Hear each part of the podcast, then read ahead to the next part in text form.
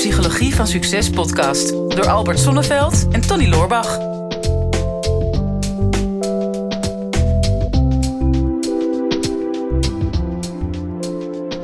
Ja, Tony, jij hebt nog geen kinderen, maar ja, ik weet niet, maar ongeveer iedere ouder in Nederland uh, die een, ja, een kind krijgt, krijgt het of cadeau of heeft het al gekocht, het boek. Oh, er komt nog iets achteraan. Iedereen die een kind krijgt, krijgt het cadeau of heeft het gekocht, hoorde ik. nee, er komt nog iets achteraan. Oh. Het boek Oei, ik groei. Ja. ja. Nou geldt dat natuurlijk voor kinderen, hè, want de meeste ouders die dan... Uh, ja, in één keer worden geconfronteerd met een kind. Zeggen, oh help, wat gebeurt er allemaal? Hoe moet ik daarmee omgaan? Want ja, dat krijg je helemaal niet op school. Mhm. En van je ouders krijg je ook wel goed bedoelde adviezen. Maar in de regel heb je daar ook niet zo heel erg veel aan. Want je moet het toch allemaal op je eigen manier uitvinden. Mhm. Maar ik ben erachter gekomen als ondernemer. Ja, daar zou eigenlijk ook zo'n boek voor moeten zijn. Van oei, ik groei. Want uh, ja, ook een bedrijf gaat door een bepaalde fase heen. Ja. Van, uh, ja, dat begint eigenlijk. Nou, het moment van conceptie slaan we even over. ja, maar dat is mijn bedrijf. Is dat niet zo spannend als bij een mensenleven? Nee? Ja. Nou ja, weet ik trouwens ook niet. Nee, ik weet ook niet. Misschien heb je er wel net zoveel uh, plezier van, toch? Uh, ja, dat weet ik dus eigenlijk niet. Ja. Waar heb je het meeste plezier van? Van het moment dat je bedenkt wat je wil gaan doen? Of dat je bedrijfsidee geboren is, of van het moment dat je het daadwerkelijk in de praktijk gaat brengen. Ja. Die, die kunnen, daar kan jaren tussen zitten.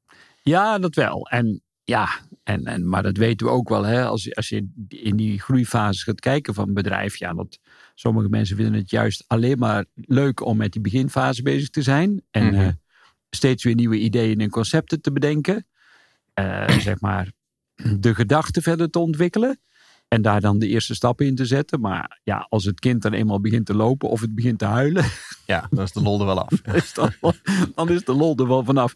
Dus laten we deze metafoor eens even doortrekken naar een, ja, de groeifase van een bedrijf. Wat denk je daarvan? Ja, ja lijkt me wel goed om even door uh, de essentiële fase heen te gaan. Het is een beetje net als bij een mensenleven. Hè? Dat mm -hmm. natuurlijk de fasen volgen elkaar op. Ja. Uh, dus hoe een bedrijf groeit. Ik heb er even een model bij gepakt.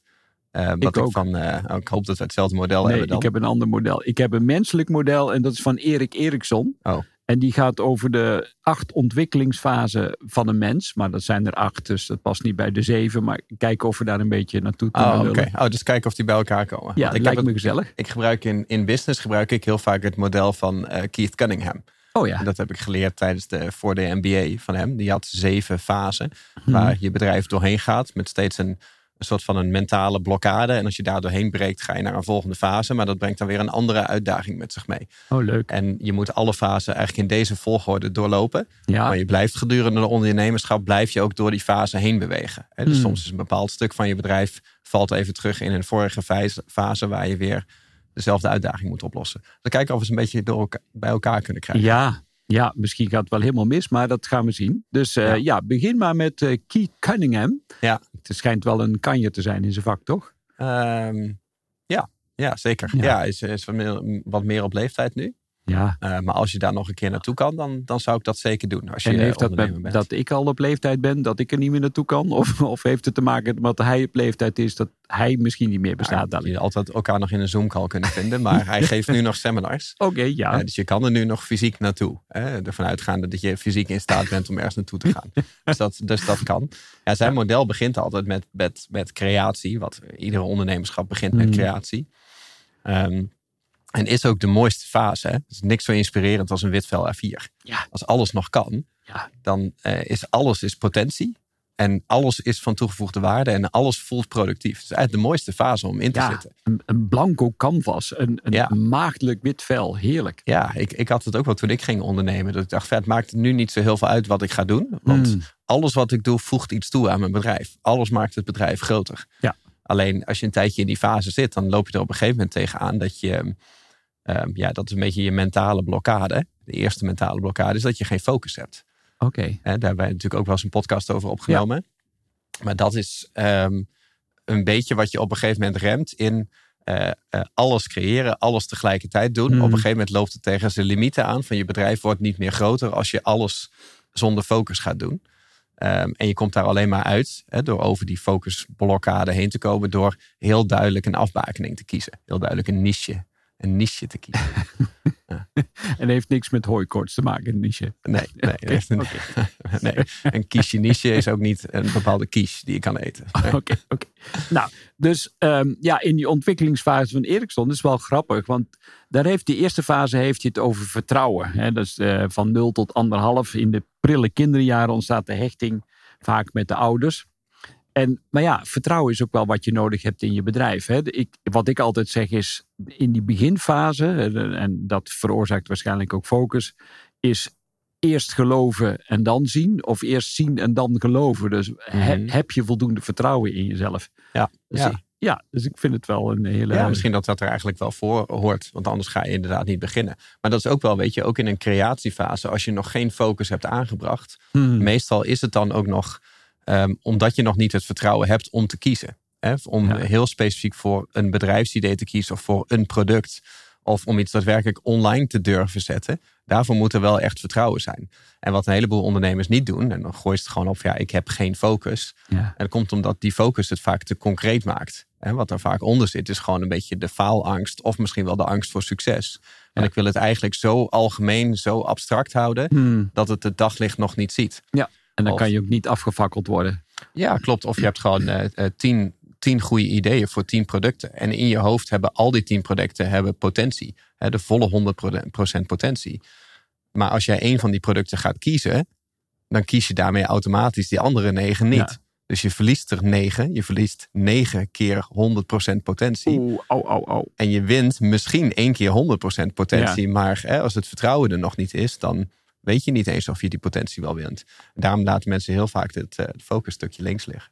Kies je niche. Ja, klopt. Dus dat is, dat is eigenlijk de eerste fase. En als je dat dan, die hobbel dan wel hebt genomen. Mhm. En je hebt heel duidelijk afgebakend van dit is de markt waar we in zitten. Dit is het product wat we verkopen.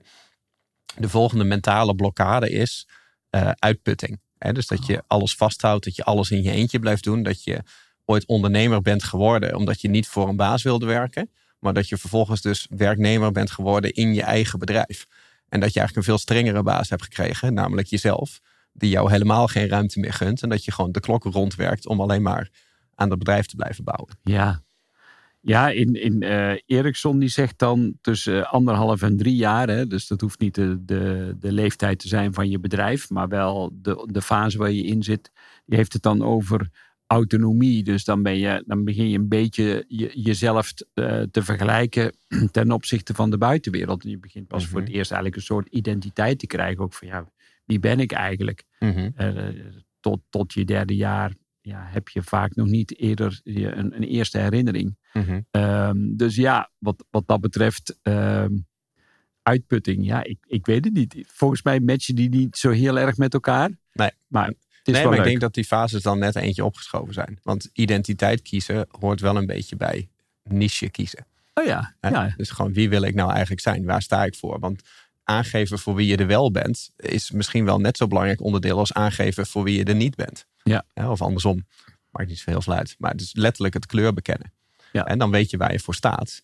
Ehm, ja, als je dat gaat doen, ja, er zitten maar zoveel uren in een dag. Op een gegeven moment komt dan die vermoeidheid. Een stap die je in ondernemerschap dan vaak zet om uit dat vermoeiende te komen of uit die uitputting, is dat je eh, de schaalbaarheid op gaat zoeken. Ja. Dus dat je gaat kijken naar alles wat je doet, alle producten die je verkoopt, alle marketingmethoden, alle processen, alles wat er in je werkweek zit, wat uren vraagt. Maar wat is nou dat kleine stukje wat echt goed werkt? Dus wat is nou het stukje in mijn bedrijf wat daadwerkelijk winstgevend is? Wat ik een bedrijf mag noemen. Hmm. En de rest eromheen is misschien hobby. Ja. Sowieso, als er geen geld verdiend wordt, is het geen bedrijf, dan is het nog een hobby. Maar je kan ook wel een klein beetje geld verdienen met 10% van wat je doet. En voor 90% daaromheen alleen maar met ruis bezig zijn. Hè? Of je ego aan het vervullen zijn, of, eh, of, je, of je afleiding aan het voeden zijn. Dus je wil dan dat kleine stukje eruit pakken. En dat wil je gaan opschalen door Ja. alle andere dingen weg te laten. En dat ene kleine stukje al je focus te geven. Het is wel grappig, want in de groeifase van een mens, waar we nu zijn aangeland, gaat het over initiatief. Dus dat past ook wel tussen drie en zes. Hm. Dan ga je ook daadwerkelijk de wereld in met iets. Hè. Je, je gaat Mhm. onderzoeken, je gaat eh, ja, stappen zetten, de wereld ontdekken. Dus eh, wat dat betreft eh, loopt dat aardig synchroon. Leuk. Ja, leuk. Ja. Ehm, ja, dan mag jij weer verder natuurlijk uh, wat uh, onze Keith daarvan vindt. Ja, dus, dus hè, hij ziet het steeds zeg maar, als een bepaald niveau wat je bereikt. En dan een mentale blokkade. Hè? Dus je bereikt creatie. Je blokkade is, ik heb geen focus. Hè? Hmm. Door die focus kom je heen door een niche te kiezen. Hè? Als je op die niche zit, dan merk je op een gegeven moment van... oké, ik doe alles in mijn eentje. Um, ik krijg een bepaalde uit, uitputting. Hè? Dat is dan je mentale blokkade. Dan ga je naar het uh, opschalen. Maar dan doe je alles nog steeds in je eentje. Ook al heb je er processen van gemaakt en doe je alleen nog maar dat wat oplevert. Je doet het nog steeds in je eentje. En dan is je mentale blokkade is vaak controle. Daar hebben ja, wij het gelukkig heel veel podcasts over gehad. Maar dat is waar de meeste ondernemers een beetje stagneren. He, of natuurlijk een heleboel uh, halen hun eerste omzet dan niet, omdat ze verzaken om een duidelijke focus aan te geven, hmm. om iets concreets te kiezen. Sommige mensen uh, die, die maken wel in de eerste omzet, krijgen wel een bedrijf gaande, maar die gaan er zelf aan onderdoor. Die komen in een burn-out terecht of in dat werk, werknemerssyndroom van hun eigen bedrijf. Maar de meeste mensen stagneren bij dat laatste puntje van kun je het wat groter maken dan jezelf? En dat kan vaak niet, omdat je controle vasthoudt. Dus ook al heb je alles geautomatiseerd, ook al heb je dingen weggelaten, je doet nog steeds wel alles in je eentje. En daar kom je alleen maar uit hè, als je in staat bent om controle los te laten. Of vrij vertaald in ondernemerschap is dat dan uh, delegeren. Hè, of oh uitbesteden is misschien nog een makkelijker woord. Goh. Ja, onze, onze grote vriend Erik Eriksson, die heeft het in die fase, zegt hij, ja, je, hè, van de lagere school naar richting middelbare school, dus vanaf je zesde tot aan, um, tot, tot aan je puberteit gaat het vooral over competentie. Hè? Dus, dus mhm. ja, ben je al in staat, herken je wie je bent, ehm, weet je wat je sterke en je, uh, je, je zwaktes zijn, durf je daar ook voor uit te komen en durf je veel meer dat ook te gaan leven al. Mhm. En ja, voor mij paste dat wel in ook in deze fase. Hè? Want ja, je moet controle los gaan laten. Je moet mhm. ja, bewust zijn van wat, wat je zelf kan. Maar je moet ook vooral bewust zijn van wat je niet kan. En kan je dat dan overdragen ook? Ja, het is eigenlijk een combinatie van, van schaalbaarheid en uitbesteden. Dus, dus wees je bewust van wat jou sterk maakt. Um, je eerste stap is eigenlijk om alleen nog maar dat te gaan doen. Hmm. Als, je, als je wil groeien met je bedrijf, de eerste stap is altijd wat kan ik uh, deleten. Ja. gewoon wat zijn de dingen die je nu doet, die eigenlijk helemaal niet bij je passen, die helemaal niet sterk aan jou zijn. en een tweede stap is uh, datgene wat je uh, wel doet, wat je nog wil blijven doen. Kan je dat systematiseren of kan je dat gaan uh, uitbesteden? En dat is natuurlijk ook een vorm van opschalen. Ja, en in deze fase zeg ik ook altijd, heel veel mensen denken dan van ja, wat moet ik doen of hoe moet ik het doen? Maar de meest belangrijke vraag is, wie kan dit doen? Hoe? Ja, dus de, hoe, de hoe, maar dan WHO. Mhm. En dan hebben we het niet over de World Health Organisatie. Die komt misschien ook nog om de hoek kijken als je te mhm. veel jezelf uitput. Maar inderdaad, wie, wie, wie gaat dit doen? Want dat is vaak een hele spannende. Wat, wat ken je van jezelf en wat kan je van jezelf? Mhm. en, en wat is absoluut iets wat andere mensen moeten doen om controle los te laten en uh, door te kunnen groeien. Ja, en, en de, dit is zeg maar een fase waar je vaak heel lang in blijft. Um, omdat die op heel veel niveaus werkt. En eentje waar je ook altijd in terug blijft komen. Hmm. Want uh, je kan controle loslaten door te zeggen... nou, er zijn bepaalde dingen in mijn bedrijf... die moeten gewoon gebeuren, die kunnen we niet deleten. Zoals we moeten belastingaangifte doen. Ja. moet, je nou, moet je nou eenmaal doen. Ja. Uh, en daarvoor moet je een boekhouding voeren. Nou, dat is iets waarvan je weet, dat zit erin komt elke week terug. Kan ik dat loslaten? Uh, en als er een, uh, een ander bedrijf is die zich specialiseert in boekhouding, dat is vaak een stap die je best wel makkelijk kan maken. En dan ben je eigenlijk al succesvol aan het uitbesteden. Ja. Omdat het iets is wat je zelf niet kan, zelf niet leuk vindt. En iemand heeft zich daarvoor opgeleid. En het is heel erg maatschappelijk geaccepteerd, zeg maar, om zoiets uit te besteden. De moeilijkere dingen zijn natuurlijk de dingen die je zelf heel goed kan. Uh, of waar je zelf wel een emotie bij hebt. Het kan jou niet zo heel veel schelen in, in op welke grootboekrekeningnummer jij je McDonald's bonnetje hebt geboekt, zeg maar. Daar heb je geen emotie bij. Maar uh, je marketingteksten, mm. ja, om die te gaan uitbesteden. Hè, want ja, je kan ook je advertenties bijvoorbeeld uitbesteden aan een bedrijf die daar veel beter in is dan jij. Maar dan gaan ze misschien namens jouw teksten schrijven. Ja, en dan, dan moet je loslaten op een ander niveau. Dan moet je het ook emotioneel gaan loslaten. En dat is vaak moeilijker. En dan? Wat is dan de, de volgende fase? Ik ben wel nieuwsgierig. Uh, ja, ja, klopt. Je zit nou je eigen eh, lijstje oh. een beetje los te laten. Hè? Nee, nee, nee, nee, nee, nee, nee, nee. Oh ja, want ben ik er al? Ja, dan heeft hij het over identiteit. Dus mm. dan gaat het over de, de adolescentiefase. Oh ja. Is de volgende fase waar mensen dan in terechtkomen. Dus, dus ja, echt wel veel meer gaan staan voor waar jij voor eh, letterlijk en figuurlijk voor gaat in je leven. Ja. En, en ja, wat minder rekening houdt met wat de omgeving van je vindt, maar veel Mhm. meer je eigen identiteit gaat eh, ontwikkelen. Eh, nee, die komen we straks wel op. Ja. Dus het zijn in een verdere fase van het ondernemerschap. Het gaat inderdaad niet helemaal gelijk op. Nee. Nee, wat, wat, wat volgens Kies zeg maar een uitdaging is, is als jij op een gegeven moment op het punt bent gekomen van oké, ik weet dat ik moet gaan uitbesteden. Dan ga je door een proces heen van in eerste instantie vind je het moeilijk om iets los te laten. Hmm. Zoals een boekhouding. Daarna lukt je dan om een beetje iets los te laten en de veilige dingen. Zodra je op het punt komt dat je iets emotioneel los moet gaan laten, dan hou je dat heel lang vast. Van hé, hey, eh, je kan het beter zelf doen. Als het goed moet gebeuren, dan kan ik het beter zelf doen. Die, die emotie. Ja. Maar zodra je dan dat stapje zet van oké, ik ben klaar, ik ben ontwikkeld, ik sta ervoor open. Ik durf, ik durf nu te gaan loslaten. Dan laat je het ook meestal meteen ineens helemaal los. Ehm, en dan is het niet meer eh, delegatie, maar dan wordt het eh, abdicatie. Dan wordt het een soort van troonsafstand. Van oké, ik laat het nu los. Of letterlijk het over de schutting gooien. Zeggen ondernemers ook vaak. Hè? Eh, van, eh, ik, ik zou het het liefst over de schutting gooien bij iemand. Maar dat is niet succesvol uitbesteden. Hè, dan, dan geef je jouw probleem met alle ervaring die jij hebt. En alles wat jij jezelf hebt geleerd hoe je iets wil doen. Dat hou je Hmm. dan bij jezelf. En je pakt dan alleen de taak eruit en die leg je bij iemand anders neer. Dan zeg je ja, eh, zie maar wat je ermee doet.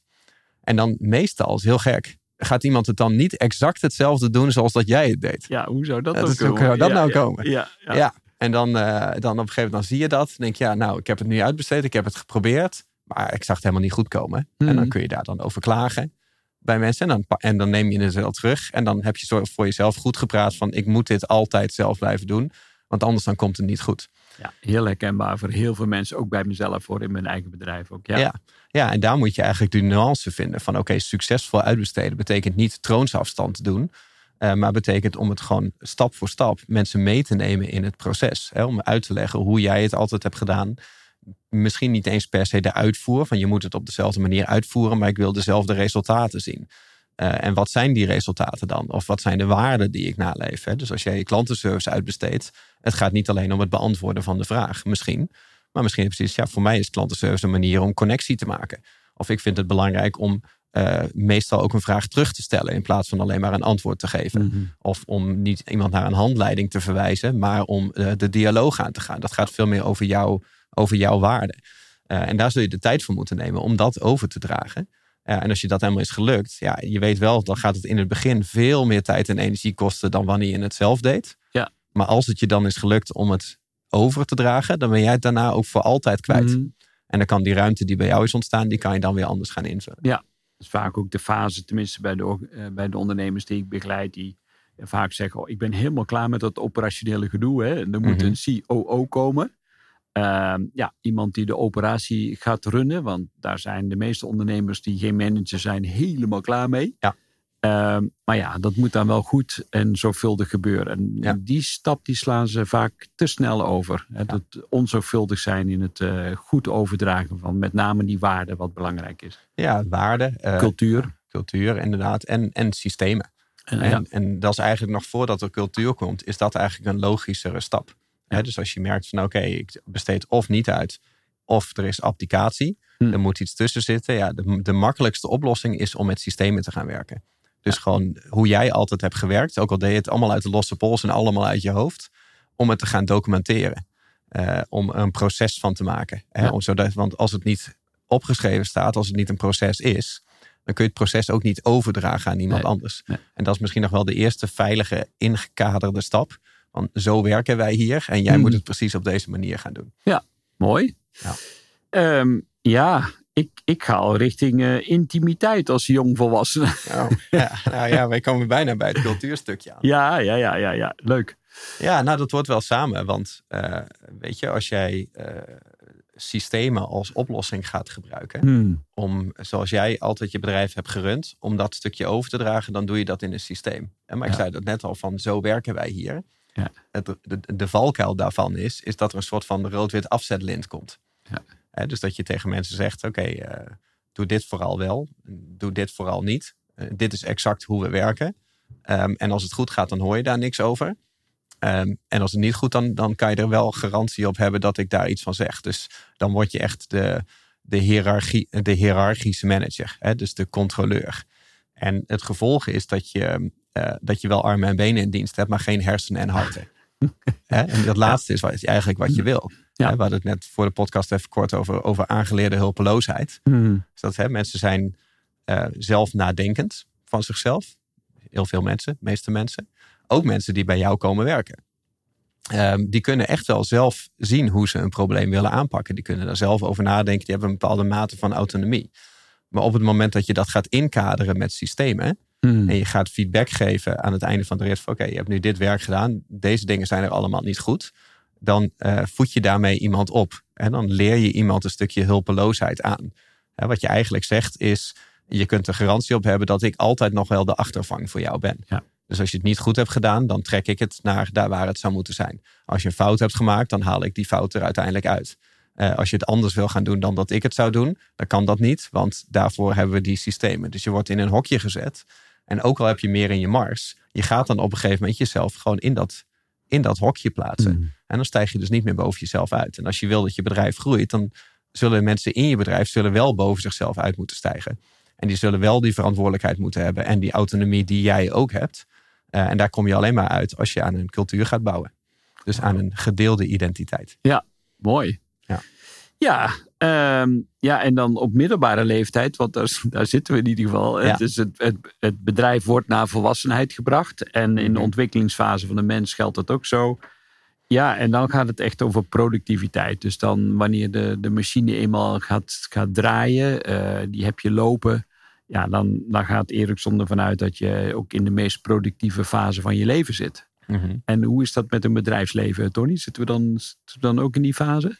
Ja, ik denk dat, dat je komt daar inderdaad bij volwassenheid, maar ook jongvolwassenheid zit vaak nog uh, een soort van puberteit tussen. Mm, ja. Um, en dat, dat is een beetje de valkuil op, uh, op cultuur. Uh, op het moment dat je um, een, een stap verder zet. Kijk, heel veel bedrijven zijn natuurlijk ingericht zoals dat ik het net zei. Het traditionele model is hiërarchisch. Ja. Uh, van, hè, je, je, hebt een eindverantwoordelijke. Uh, dan heb je nog wel eens een keer een manager. Die weet precies van tot waar ligt mijn verantwoordelijkheid. En wat wordt er van me verwacht. En die draagt dat weer over. En daarmee functioneert eigenlijk niemand in de hele linie. Functioneert meer boven zijn niveau. Maar iedereen doet alleen het, het maximale. Uh, wat je doet, is het minimale wat er van je wordt verwacht. uh, en ook niet meer dan dat. En daar ben je ook niet bewust van. Maar je groeit niet en je bent daar niet per se gelukkig. Dan is je werk gewoon je werk. Um, een wat spannendere cultuur is om te zeggen... we laten dat hokjesdenken, die hiërarchie los... en we gaan het gewoon als een groep mensen met elkaar doen. Dus we gaan een identiteit delen, hè, door bepaalde waarden met elkaar te delen... om uh, iedereen zijn eigen, eigen verantwoordelijkheid te geven. Zijn eigen autonomie, zijn eigen vrijheid. Maar dat is wel een wat moeilijker model... Uh, want niet iedereen kan daarmee omgaan. Uh, niet iedereen deelt ook altijd dezelfde waarden. Of je hebt ze niet goed overgedragen. Dus dat, dat vraagt wat tijd. Um, maar als dat op een gegeven moment gelukt is. Dan gaat er toch op een gegeven moment een klein beetje dat puberende inkomen. Want mensen die helemaal autonoom zijn in een bedrijf. En die zich opstellen als bijna mede-eigenaar van. Of ondernemer binnen het bedrijf. Die zegt van nou we werken met z'n allen. Dus het is ook van mij. Uh, op een gegeven moment loop je er tegenaan dat je een stukje persoonlijke erkenning mist. Ja. En uh, erkenning krijg je over het algemeen alleen als jij het net iets anders hebt gedaan dan degene voor jou. He, dat is wat puberteit natuurlijk ook vaak is te, tegenover je ouders. He, op een gegeven moment kom je in een punt van ik nu wil ik mijn eigen identiteit ontwikkelen. En het eerste wat ik ga doen is lijnrecht tegenover de identiteit staan die ik altijd heb gekend. Hm. Dus je gaat er schoppen tegen, uh, tegen je ouders of tegen hoe je altijd was omdat je er vanuit los wil breken en omdat je op zoek wil gaan naar je eigen geluid.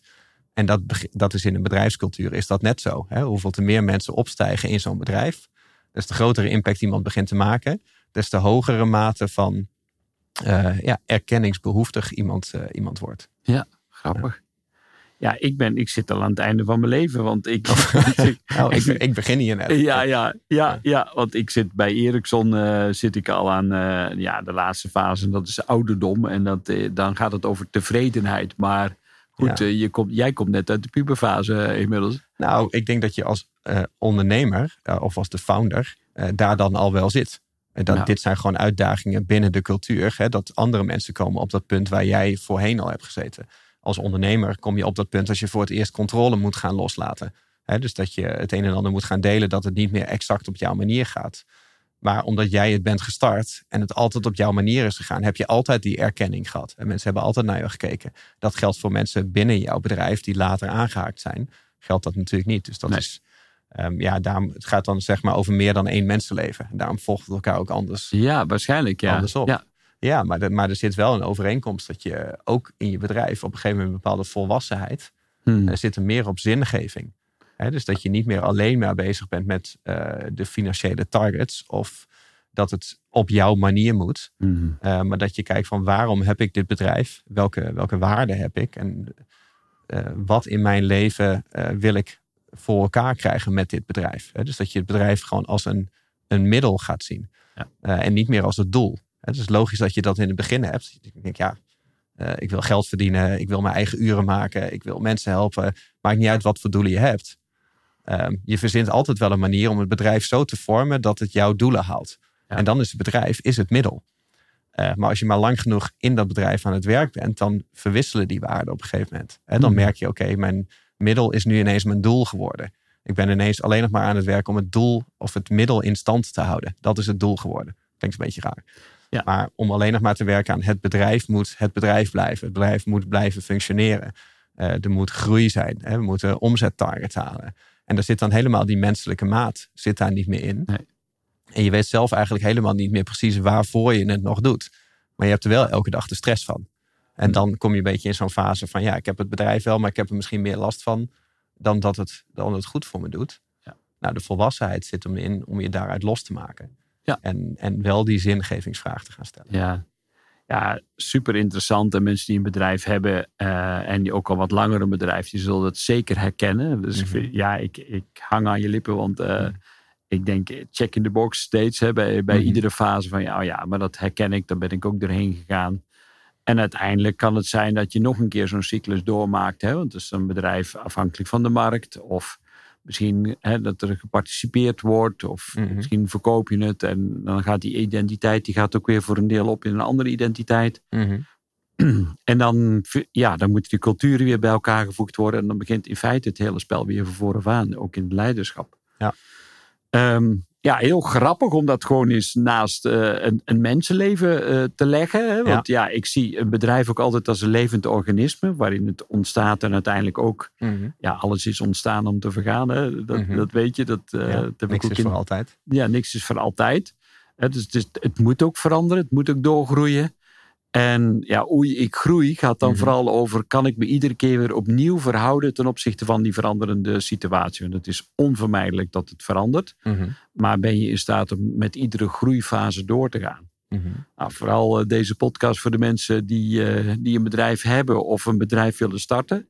Um, ja, weet dat het dus in die zin nooit klaar is. En dat je altijd weer uh, wordt uitgedaagd in de volgende fase. Ja. Niet zozeer alleen om je bedrijf te veranderen, maar vooral ook jezelf iedere keer weer te Mhm. veranderen en te kijken in je eigen binnenwereld. Welke hobbel heb je weer te overwinnen? Ja, nou ja, dat is wel het mooie aan. Natuurlijk, het is maar, het is maar een model. Ja. En, en elk bedrijf heeft zijn eigen nuance. En je zit ook niet altijd precies op één punt. Hmm. Dat je denkt van, oh, uh, het hele bedrijf stagneert nu omdat we van uh, uitbesteden naar uh, systemen moeten. Ja. Maar je zit er altijd ergens tussenin. En dan heb je het ergens heb je het al wel en ergens anders heb je het dan nog niet.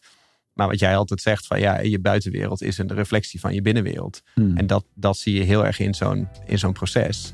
En daarom is het ook wel leuk om een keer inderdaad naar die, naar die opgroeifase te kijken.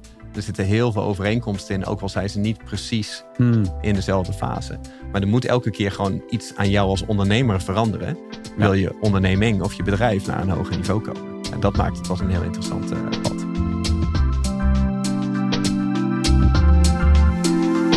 Dit is de Psychologie van Succes podcast door Albert Sonneveld en Tony Loorbach.